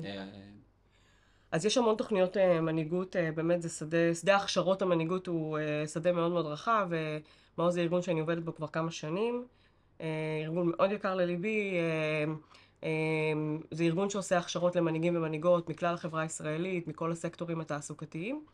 בעצם עוברים תוכנית הכשרה של שנה, כשבשיא שלה, או בסיום שלה, נוסעים לבוסטון ולומדים בהרווארד business school איזה שבוע. ו- ועשית את התהליך ה... אה, הייתי, בעצם הייתי בתהליכי המיון של התוכ... לתוכניות, ואחרי זה הייתי מנחה באחת התוכניות. אה, ואז בעצם למעשה כשמסיימים את התוכנית, אז הופכים להיות חברי רשת. יש לנו היום אלף חברי רשת, עד אה, לפני תשעה חודשים ניהלתי את רשת מעוז. רשת של אנשים מאוד מאוד משפיעים ומשפיעות. בכירים, מעולים, מצוינים. עם השנים, כאילו יש, נגיד ה- זה הולך אצלנו, מספר- אנחנו מספר לדעתי הולך וגדל. הרשת עם הכי הרבה יוצאי אתיופיה. אה, אה, אנחנו עובדים בזה, הגיוון חשוב לנו באמת באמת. יש לנו את כל, ה, את כל האוכלוסיות, זה גם מייצר הרבה מאוד מורכבות. הרבה מאוד מורכבות לנהל רשת כזאת מגוונת. יש לי, אה, מספיק שאני אגיד מתנחלים וערבים. זהו, כאילו. זה, יש לך אה. שוטרים ויוצאי אתיופיה, יש לך אה, פרקליטות ולא יודעת מי עכשיו נגד הפרקליטות. יאו. כאילו, יש לך הכל מהכל, הכל מהכל מהכל. זה מייצר מורכבות. אבל uh, זה אנשים שאני סופר מעריכה, סופר אוהבת, ומרגישה מאוד uh, כבוד גדול לעבוד איתם. Uh, זה ארגון שאני מאוד מאוד מאמינה בו, אז אני באמת נמצאת בו בשנים האחרונות, והוא, uh, הוא, אני, אני חושבת שה... כאילו הכישורים הפסיכולוגיים שלי, של עולם, גם העולם הקליני וגם העולם התעסוקתי, הם, אה, הם אה, באים לידי ביטוי באופן שבו אני משוחחת עם מנהיגים ומנהיגות, באופן שבו יש לי יכולת רגע להבין אותם, לחשוב אותם, לעזור להם, להמשיג להם, לחש... ללוות אותם, כאילו כל מיני דברים שזה משרת אותי. אבל זה נכון שזה עולם שהוא קצת אה, אחר. זה כאילו זה שילוב של הדברים בסופו של דבר. אה, זה כזה קריירה שגם מה, מה, גם מה, מהפן האישי שלך, גם את משלבת כאילו את הכל כן. בבת אחת, כאילו איפה, איפה יש זמן ל- כזה להגיד, אה, אנחנו יכולים לשאול את בעלי מה הוא חושב על זה. בדיוק מה שבאתי לדבר, על זה. סתם, גם מדהים. לא אין זמן. אה, אה, א', עובדים בזה, בלמצוא זמן. זה ברור, אבל אה, את יודעת, השילובים בין הדברים, שזה, שזה קודם כל עדיף להיות במקום הזה, כן. מאשר להיות במקום של אה, לחשוב מה צריך לקרות. כן. כאילו. אבל זה גם, אנחנו מדברים עכשיו, אני רואה שזה בכלל כל המסלול חיים שלך כזה, הדרייב נכון. הזה להיות באיזה בכל מקום מיני מסוים. דברים, נכון. זה ממקום של להוכיח כזה? להיות במקום שאני... לא, לא זה, או שזה המקום שבאתי ממנו, מהבית, ויש יש, יש דרישות לכל דבר, כאילו, זה מעניין. תראה, א', אני בן אדם הישגי. בוא, כאילו, נשים את זה על השולחן. אני נכנסת למקום, חשוב לי מאוד להיות טובה בו ולהצליח בו. אני בן אדם הישגי. אבל אני גם אה, אה, אישה מאוד סקרנית. מאוד מאוד סקרנית. המון דברים מעניינים אותי. יש לי המון תשוקות, וכנראה נולדתי עם איזה רעב מאוד מאוד גדול ללטרוף את החיים, ואני לא מצליחה לוותר על כלום. אני באמת, בכנות, לא מצליחה לוותר על כלום. אני נורא אוהבת את כל מה שאני עושה, וגם יש לי כל מיני רעיונות כאלה כל הזמן שאני חייבת להוציא אותם לפועל. אה, אז אני, אז אני, אז אני כזה יוזמת מלא מלא פרויקטים ועושה מלא מלא דברים. זה לא כי אני רוצה להוכיח את עצמי, הרבה פעמים זה נראה לאנשים שאני כאילו באה עם ביטחון מלא לעשות, כי אני עושה ויש לי כאילו רזומה, ממש לא, לא, אני לא, באה אני עם הרבה מהמקום מאוד חשש, עם הרבה לא, מאוד... זה שלא רואים את זה, אחד כן. היתרונות שלא רואים את עם זה החוצה. כן, עם ו- הרבה מאוד חשש, ואני מתייעצת עם המון המון אנשים לפני שאני עושה כל דבר, אבל באמת זה איזה מין רעב פנימי לחיים ועם אמונה מאוד מאוד גדולה, ש... וזה כן בא לי מהבית, שאחד, יש לנו אחריות אה, חברתית, זאת אומרת, כל מה שאני עושה הוא, הוא כמעט תמיד בשביל קולקטיב, אוקיי. אה, אה, ושיש לנו יכולת להשפיע על המציאות ולשנות אותה. ואין לנו את הפריבילגיה לחכות שדברים ישתנו מעצמם. אז כאילו בגלל זה ש- שאמרת אה, להוכיח, זה כאילו ממקום שלא באנו ממקום פריבילגי, בשביל להיות איזה, כאילו, אז יש את המקום הזה של להוכיח שאני לא שונה, אני אפילו יותר טוב. אז או- לא, אז אני בכלל לא בעניין ההוכחה. אני, אני ב... יש פה מציאות שהיא מעוותת, בהרבה מאוד אופנים. אני הולכת להשפיע על מה שאני יכולה להשפיע עליו, גם אם זה קטן נורא. אבל אני הולכת להשפיע על מה שאני יכולה להשפיע כדי לתקן את העיוותים איפה שאפשר, כי אני לא מוכנה לגדול בדור שלא עשה כלום בשביל הדור הבא. זה, זה ה... זה ה... וזה קיבלתי אה, ירושה מאבא שלי, שאמר, הדור שלי עשה את שלו, עכשיו תורכם, ממש במילים האלה, ומבחינתי, זה, זה, זה בדיוק הסיפור. אחד, גם אחד הדברים שאני עושה את הפודקאסט הזה, שחשוב לי, כמו שאתה אומרת, המסר הזה לדור הבא והדור הבא, ואני כאילו די גאה במה שקורה בדור מתחתנו. הם יותר טובים מאיתנו. בהרבה, בהרבה. ממש. מ- יותר מוצלחים. יש בהם, אפילו דודה שלי דיברה איתי לפני שבועיים, שעל המקום הזה שאנחנו מרגישים פה ואנחנו פה והכל טוב, אבל עדיין חסר להם, אפרופו, זהות. הם לא יודעים. אני יש- חושבת שיש להם זהות יש- אחרת. הם בונים אותה אחרת, הם מתעצבים אחרת. את יודעת, הייתה לי שיחה בעקבות הפודקאסטים, ש... בעקבות הפרקים שפרסמנו, ודודה שלי אמרה לי, זה מאוד מעניין להבין כאילו על הדור הקודם ועל איך שאתם גדלתם, אבל כאילו, אני בכלל אה, עסוקה בשאלות האלה ממקום אחר לגמרי. אני, כאילו, אני מרגישה שהרבה פעמים הדור המבוגר יותר עדיין נלחם על זה שאנחנו ישראלים. אני לא שואלת אף אחד אם אני ישראלית, אני ישראלית. עכשיו, זה מאוד מאפיין גם ילידי הארץ, אבל בטח את הצעירים יותר. אז זהו, ב- הם עסוקים בזה אחרת. הם, הם באמת... עסוקים, הם מרגישים פה, חסר להם העניין הזהות הכביכול האתיופי הזה, ב- ב- זה חלק. חסר להם ב- במידה מסוימת, כי לפעמים עדיין אה, כן. אה, בין לבין, ו- ו- ו- וזה באמת אחד הדברים שאמרתי גם מקודם, של לעשות את הפודקאסט הזה, כן, להראות את ה... גם את האמירה שאת אומרת, מה שההורים שלנו עשו, אנחנו פה, ויש את הדור שמתחתנו, שהוא כן. באמת... רק תדאג, ש... תדאג שיהיו לך חצי גברים, חצי נשים, טוב? אה, איכשהו, תמיד כשמדברים על. הקהילה ועל הזה, זה תמיד גברים. יש כן. נשים נהדרות. אני, אם יש מישהו שבעניין הזה, זה... ש... לא יודע, יש לי משהו שבאתי מאיתו מהבית, בעניין הזה, החוזק של האישה, ולראות את האימא נכון. החזקה הזאת, ולראות את כל הדבר הזה. בינתיים בוא אני יכול להגיד לך, רוב הפניות שעשיתי כרגע הם יותר לנשים מאשר לגברים. אוקיי, אז אני אני אני יכול רגועה. לסגור לך את הפינה הזאת אני של רגועה. ה- שיהיה fifty fifty. רוב אני, אנחנו פה עדיין, ב... לאט לאט בונים את זה, אבל רוב, רוב האנשים שפניתי אליהם הם אה, נשים. אה, אז כאילו, גם בתוך הקריירה, בכל מיני, יש, את יודעת, בדרייב, בדרייב, ואז אה, איפה השאיפה? כאילו, את אומרת, מה... מה לאן אני מכוונת? איפה ה... איזה- זה באמת שאלה טובה, כי אני לא יודעת להגיד לך. זה נראה יותר אבל חברתי, לא נגיד, לא הייתי נכנס לפוליטיקה. למרות שיש לא, לי, אני שם לא- איזה כמה, נראה לי, דברים ש... אני לא, אני לא חושבת שאני אהיה פוליטיקאית טובה, אני אשת מקצוע, אני לא, אני לא... זה, לא, לא, זה ממש לא אני, אני לא אהיה לא. טובה בזה, למרות שהמון אנשים אומרים, אה, לא. זה נראה אני מהצד. מקסימום יכולה להיות ב...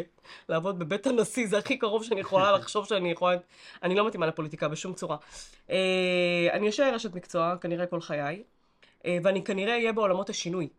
עולמות השינוי, החברתי. האימפקט החברתי, השינוי, אה, כאילו, ה- ואפשר לעשות אימפקט חברתי אגב מכל מיני מגזרים תעסוקתיים, זה לא חייב להיות עכשיו רק המגזר השלישי, זה יכול להיות דרך המגזר הציבורי וזה יכול להיות גם דרך המגזר העסקי. אני לא יודעת לאן אני אתגלגל, אני יודעת מה מנחה אותי ומה המצפן שלי. לייצר אימפקט חברתי זה לגמרי מצפן בשבילי, לפעול במקצועיות זה לגמרי מצפן, לפעול בערכיות זה לגמרי מצפן. באיזה פוזיציה בדיוק, באיזה תפקיד אני אהיה, אני לא יודעת, לשום תפקיד שאני הייתי בו בחיי, לא נראה לי שכיוונתי. עשר שנים קדימה, סתם זורק לך אה, זה. בח- ב- בכנות, לא כיוונתי, אני, אני מתגלגלת. שומעים אותי, רואים איך אני עובדת, מתרשמים ממני, אני מתראיינת, אה, מקבלים אותי, מקדמים אותי, כאילו, אין איזה, נגיד, בעניין הדברים, של פרויקטים או דברים כאלה, אתה אומר, טוב, כמו מעוז, עשיתי, קידמתי, אני- עכשיו אני, שלב הבא, ויש איזה רגע של מיצוי כזה, ואומרת, אוקיי, מה... אין לי, באמת, אין לי מושג. אני רק יודעת שהדבר היחיד שאני יודעת להגיד, שזה כבר התחלתי אה, לפני שנה, זה שאני כן מורידה רגל מהגז קצת, אה, ומשקיעה יותר אה, אה, בי. בך. זה בי, בבן זוג שלי, במשפחה המורחבת שלנו, כן, ב... אה, בזה. זה, זה כאילו, אה, ב- באופן שהפאי אצלי מחולק באחוזים במושקעות, אז זה קיבל בשנה האחרונה נפח יותר גדול, וזה אומר בהכרח שדברים אחרים הצטמצמו, כי יש רק 24 שעות ביממה. אה, זה, האם אני, איזה תפקיד ממש ממש, אין לי מושג לאן שהחיים יגלגלו אותי. מעניין. כן? אה, אפרופו בן זוג, אנחנו נשואים כבר ארבע שנים. אה, מתמחה ברפואה. סטאג'ר, עוד לא מתמחה, סטאג'ר. מה, רגע, מה סטאג'ר ו... בעצם מה לומדים... זה, אה, שבע שנים של התמחות? אז, מה- לא, אז לומדים שבע שנים רפואה, בשנה האחרונה השביעית היא בעצם סטאז'. אה, אה, כן, משרד הבריאות, הם אה, מחלקים אותם לכל מיני, יש פרוצדורה כזאת, ואז אחרי שהם מסיימים את הסטאז' בעצם מקבלים את התואר דוקטור, ואז אה, יש להם את ה... כמה שנים התמחות לפי התחום מומחיות שהוא אה, יבחר. אה, אז הוא ממש אה, מתקרב לסיום הסטאז' שלו. אה, זה אוטוטו... זה... אז אוטוטו הוא דוקטור.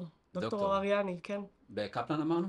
הוא סטאג'ר בקפלן, כן. הוא אתיופי. נכון. ישראלי ממוצא אתיופי, כל הפוליטי. לפני שהוא אתיופי הוא חתיך וחכם, ואחר כך הוא גם אתיופי. ידעת לה, איך זה... הוא באמת כזה.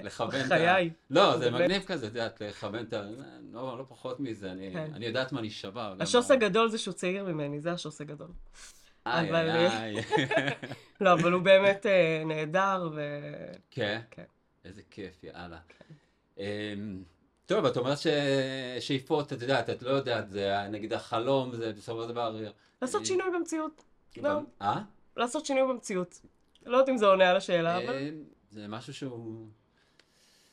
צריך שיקרה, פחות כמה שיותר, פחות לדור של הילדים שלנו, לא אני יודע, חושבת רוצה גם. שמצליחים. אה? כאילו, אני חושבת שגם מצליחים. אני בשנים האחרונות עובדת בשיתופי פעולה עם המון המון אנשי מקצוע, ואני מרגישה את התזוזה בשטח בכל מיני... אפילו השיח על בריאות הנפש השתנה אצלנו בקהילה. המודעות לבריאות הנפש, יש עלייה מאוד מאוד יפה בפנייה לטיפולים. אני לא אומרת שזה רק אני עושה את זה, אנחנו קבוצה מאוד גדולה שפועלת בשביל זה, אבל כל אחד מהזווית שלו, כאילו, יש שינויים במציאות. אני חושב באמת. שיש משהו שגם לפני הקורונה ואחרי הקורונה ברמה הנפשית שאנשים חווים אותה ולא ללכת לאיבוד, בואו נבקש עזרה. יש איזה משהו כזה לדעתי שכולם עברנו איזה משהו מסוים. קורונה הייתה קטליזטור להרבה דברים. מה שאותי הטריד, אה, אה, ואז הגברתי את הפעילות בקבוצת פייסבוק שאני מנהלת, שנקראת אה, מתייעצים בריאות הנפש בקרב יוצאי אתיופיה. אה, אני ראיתי הרבה מאוד מופעים של משברים נפשיים קשים, ו, והרבה אה, עלייה בהתמכרויות לאלכוהול. הייתי רואה לייבים ברשת, בכל מיני קבוצות של הקהילה, שחבר'ה עולים שיכורים ממש. לגמרי, לגמרי, אני... אה, ואומרים שטויות, עושים שטויות, כאילו, ואת, ואת אומרת, אני לא בטוחה שכאילו, אה, אם הם לא היו שיכורים שיכורות, לא משנה, זה היה גם וגם, גם גברים, גם נשים, הם היו עושים את מה שהם עושים עכשיו, או הם היו בוחרות להגיד, את, או להופיע ככה ברשת. אתה יודע, רשת זה מקום מאוד מסוכן, אתה כאילו חשוף ואתה לא יודע אפילו עד כמה ולכמה זמן. זה מאוד מאוד הטריד אותי, ואז באמת אה, בתקופה של הקורונה התחלנו סדרה של הרצאות בקבוצה עם אנשי מקצוע מהקהילה שבאו ועשו לייבים אה, בקבוצה שלנו ונתנו אה, זה. אה, אז הקור- הקורונה נתנה איזה פוש, לא רק ליוצאי אתיופיה, באופן כללי, אפשר להסתכל פשוט, בנתונים. קצת ברמה... כן, עלייה של. דיכאון וחרדה חופשי, רואים את זה. ולצד זה אני חושבת שגם עלתה אה, אה, הדאגה הסביבתית, ויותר ויותר אנשים התחילו לפנות עבור אחרים. כאילו להגיד, אחרים. החבר שלי הוא ככה וככה. אז אני מקבלת המון פניות של חבר שלי מתחיל אה, להשתמש אה, יותר מדי בזה, אה, חברה שלי סגורה בבית, לא יוצאת מהחדר, אימא שלי, ת- ת- כאילו המון המון המון פניות יותר מן העבר, ולשמחתי באמת יותר הולכים לטיפול. יש היום גם יותר היצע, יש יותר מטפלים יש יותר מטפלים. אתיופי. בטח, אנחנו, יש אה, לנו קבוצת וואטסאפ של לדעתי למעלה מ-60 מטפלים שעוסקים בבריאות הנפש. אה, יש אנשים שהם ותיקים רגע, בתחום. זה התמחות בריאות הנפש? כי כל פעם זה זה, או שיש... כן, זה כן. התמחות ספציפית? אז אם אנחנו בעולם הפסיכולוגיה, זה בדרך כלל יהיו פסיכולוגים קליניים. יש לנו את דוקטור רחל נגה שהיא מתמחה בפסיכיאטריה, של הילד ושל המתבגר, אה, ויש לנו עובדים סוציאליים קליניים שבחרו להתמחות בב- בבריאות הנפש והם מטפלים, בהחלט, יש להם קליניקות, כל אחת בגישה הטיפולית שלה, אבל עם הרבה מאוד ניסיון, אנשים שעובדים גם במערכות הציבוריות. אני חושבת שבריאות הנפש זה דבר שמעורר בנו אה, אמוציות, כי אנחנו הרבה פעמים חושבים על מחלה, אבל כל- בדיוק. בריאות זה- היא קודם כל בגלל זה גם בריאות. אמרתי לך בתחילת השיחה, איך הסתכל... אה, כאילו כן. המחשבה שהיינו כן. בתיכון, או ב- אפילו זה כן. התחיל בעיקר ביסודי, כאילו איך שהמורות היו אמורות כן. לנו את ה... הם- יש כן. איזה בעיה של בריאות הנפש, אז כן. זה לקח אותי ישר למקום הזה. אבל צריך לזכור שבריאות הנפש היא קודם כל בריאות. אז אנחנו צריכים לדאוג לבריאות של עצמנו, וכשיש מצבים של מחלה ללכת לבקש עזרה כדי לחזור לתפקוד, במידה והתפקוד שלנו נפגע. אה, ולבריאות הנפש יש, יש מערכת יחסים מורכבת עם כל האוכלוסיות, זה לא ייחודי ליוצאי אתיופיה. היא עם כל האוכלוסיות, כי יש סטיגמטיזציה על אנשים שיש להם מחלות נפשיות, אה, יש פחד של אנשים שמישהו עם קושי נפשי יידרדר למצב של מחלה נפשית. זאת אומרת, יש מערכת יחסים מורכבת, זה, זה, זה הרבה פעמים החצר האחורית של, של, אה, אפילו של משרד הבריאות, כאילו זה מין מקום כזה שהרבה פחות נעים להסתכל עליו, זה הרבה, אנשים שהרבה פחות משתלבים בקהילה, על אף שהיום כבר מדבר, מדברים על מטופלים במרכז ומשולבים בקהילה וזה.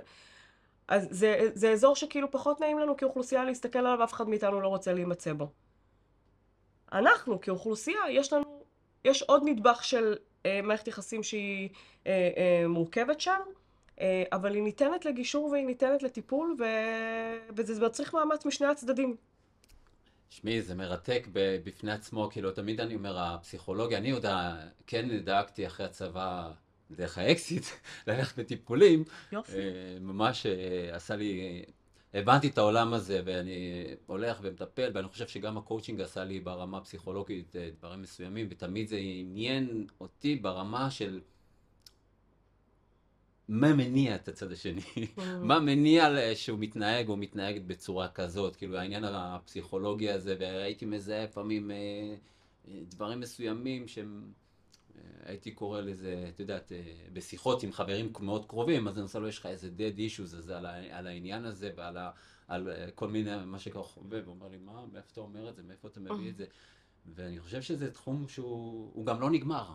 נכון. הוא לא נגמר אף פעם. הוא לא נגמר אף פעם ברמה... אבל אתה יודע למה הוא לא נגמר? כי הוא לא קשור, הוא באמת לא קשור רק לחולי, הוא קשור גם לבריאות. ואני חושבת שאחת המתנות הכי טובות שאנחנו יכולים לתת לעצמנו, אה, זה, זה ללכת לטיפול בשביל להבין את עצמנו יותר טוב, את המנגנונים שלנו, את איך אנחנו פועלים בעולם. זה לא, אני לא צריכה להיות חולה במחלה קשה בשביל ללכת לקבל, בשביל ללכת לקבל טיפול, כאילו ככה, זה השיח. לא. אני הרבה פעמים אלך אה, לטיפול, גם אני, שאני הולכת לטיפול, אני הולכת כדי להבין את עצמי יותר טוב, כדי לברר את עצמי, כדי לראות מהם נקודות העיוורון שלי, לראות איך, אתה, איך הלא מודע שלי מפעיל אותי באזורים מסוימים, מהם השחזורים שאני עושה באופן אוטומטי ואני אולי לא עוצרת ושמה עליהם סימני שאלה, איזה מין בן אדם אני רוצה להיות ומה מונע ממני להיות שם. יש המון המון שאלות של איזה... וגם כדי לפרוק את הקשיים שלי ולדבר עליהם ועל המורכבויות, ו... כי- זה לא כי אני חולה, וזה לא כי קשה לי, אה, רק קשה לי, זה לא... לפעמים אני גם נהנית לחגוג עם המטופלת שלי, עם המטפלת שלי דברים ש, אה, שקורים לי טובים בחיים. אז, אז זאת מתנה בעיניי למי שיש לו את המסוגלות להתבונן פנימה ורוצה לעשות כן. את התהליך הזה. ויש רגע, נגיד, שלך היה רגע מאוד קשה, את יודעת, שבתור מטפלת, שאת אה, כאילו, אה, עוצרים רגע ו... בתור מטפלת, אני אף פעם לא עוצרת טיפול כי לי קשה. לא, אבל. יש רגעים ש... יש רגעים שקשים לי, אני לא אעצור טיפול בגלל זה, אבל יש רגעים שקשים לי, אני יכולה אולי להגיד משהו על הקושי. זה מאוד תלוי בסיטואציה, סביב מה הקושי, מה מערכת היחסים. אמ, אני, אני יכולה להגיד שהיו לי, היו לי אפילו מקרים שבהם אה, אה, אחרי פגישה טיפולית מצאתי את עצמי אפילו אה, בוכה, כי היה לי קשה עם מה שהמטופלים אה, מביאים על עצמם ועם זה שזה החוויות שלהם. אה, זה אמנם אה, עם השנים, כבר פיתחתי חוסן, ואני גם, כן, כן, כן, יודעת אני- לאבד את זה ולעבוד עם זה, וללכת להדרכה עם זה אם צריך, וכולי וכולי. אבל אה, במקרה קיצון, אה, כשאני נפגשת עם משהו שהוא נורא נורא קשה לי, אני יכולה למצוא את עצמי מזילה דמעה אחרי פגישה טיפולית. זה לגמרי יכול לקרות. אה, אבל אני לא, לא אעצור טיפול בגלל זה. לא, לא לעצור, זה בדיוק האחרי, איך לקחת את זה. כן, ו- כן, אבל אני אלך עם זה להדרכה, או לקולגה שאני מאוד מעריכה, ואני אאבד את זה, ואני אתייעץ על זה, אני אחשוב את זה, אני אבין איפה זה פגש אותי ולמה אני הגבתי לזה ככה, מה קורה למטופלת שלי, כאילו אנחנו... תשמעי, אפשר לדבר בלי סוף. זה נכון, כאילו, אה, שעות. זה אני... אה, מה, מה, מה את מאחלת לשנה הקרובה, לעצמך ככה, ל... אה, את דוהרת, כאילו, תמשיכי לדהור, ואני, כאילו, זה, זה כיף לראות את זה, כי... כאילו, אה, את אומרת, נגיד, גדלת על המקום הזה של ה... תמיד היית האתיופית היחידה, וגם אני הייתי כזה, גם תיכון, הצבא, והזה וזה. וככל שמתבגרים, כאילו יש חזרה אחורה ברמה של, אה, רגע, מי אני, מאיפה באתי וזה, והיום גם הפודקאסט הזה מייצר לי הרבה אנשים שאני אה, שומע עליהם, אבל לא מכיר אותם. ואז Mm. ההיכרות עוד יותר, אני אומר, זה נותן לי דרייב לדבר הזה. אז מה את רואה, נגיד, נאחל לך לשנה... אה, וואו, יש לי המון איחולים אישיים, אני חושבת מה אני יכולה אה, לשתף בפלטפורמה הזאתי. אה, הכי כאילו, אה, פשוט בנאלי זה שאני אסיים את הספר השני כבר. אה, נכון, שזה בערך... אה, שהוא גמור, אבל הוא... אה, כל העריכה, כל- הכריכה, כן, כל כל- העניינים הטכניים. כל- דווקא לא הטכניים, המהותיים, כי בגלל שאני נוגעת באזורים שהם כאילו מורכבים, הבנתי. אז המהות היא זה. אז שאני אסיים עם זה, זה איחול ראשון. אז הנה, יש לנו את הספר. אה, האיחול השני הוא שאני אתקדם עם הדוקטורט שלי, כי הוא מרתק, סופר סופר מרתק, אבל בגלל כל הדברים שעל השולחן שלי, אני לא מצליחה להתקדם איתו. אז זה האיחול הקונקרטי השני. והאיחול השלישי זה שבאמת אה, אה, העבודה שאני עושה על, אה, על איזונים בין כל מיני חלקים בחיים שלי, אה, תמשיך להיות מיטיבה איתי. ככה שאני אוכל אה, להמשיך לפעול ממקום שהוא מדויק לי, והוא שלם לי, והוא רגוע לי, והוא טוב לי, והוא מקדם אה, אותי ואת הסביבה שלי, ועושה לנו טוב. אה, זהו. מרתק. אני ממש מודה לך על השיחה הזאת, היה לי ממש כיף, תודה שבאת. תודה שהזמנת. בטח, ושתהיה לנו כל מה שאכלת יקרה, ושיהיה לנו שנה טובה, אנחנו ככה בתקופת החגים, ושיהיה לנו רק טוב. אמן. תודה רבה לך. תודה. שנה מצוינת שתהיה. שאלה מצוינת.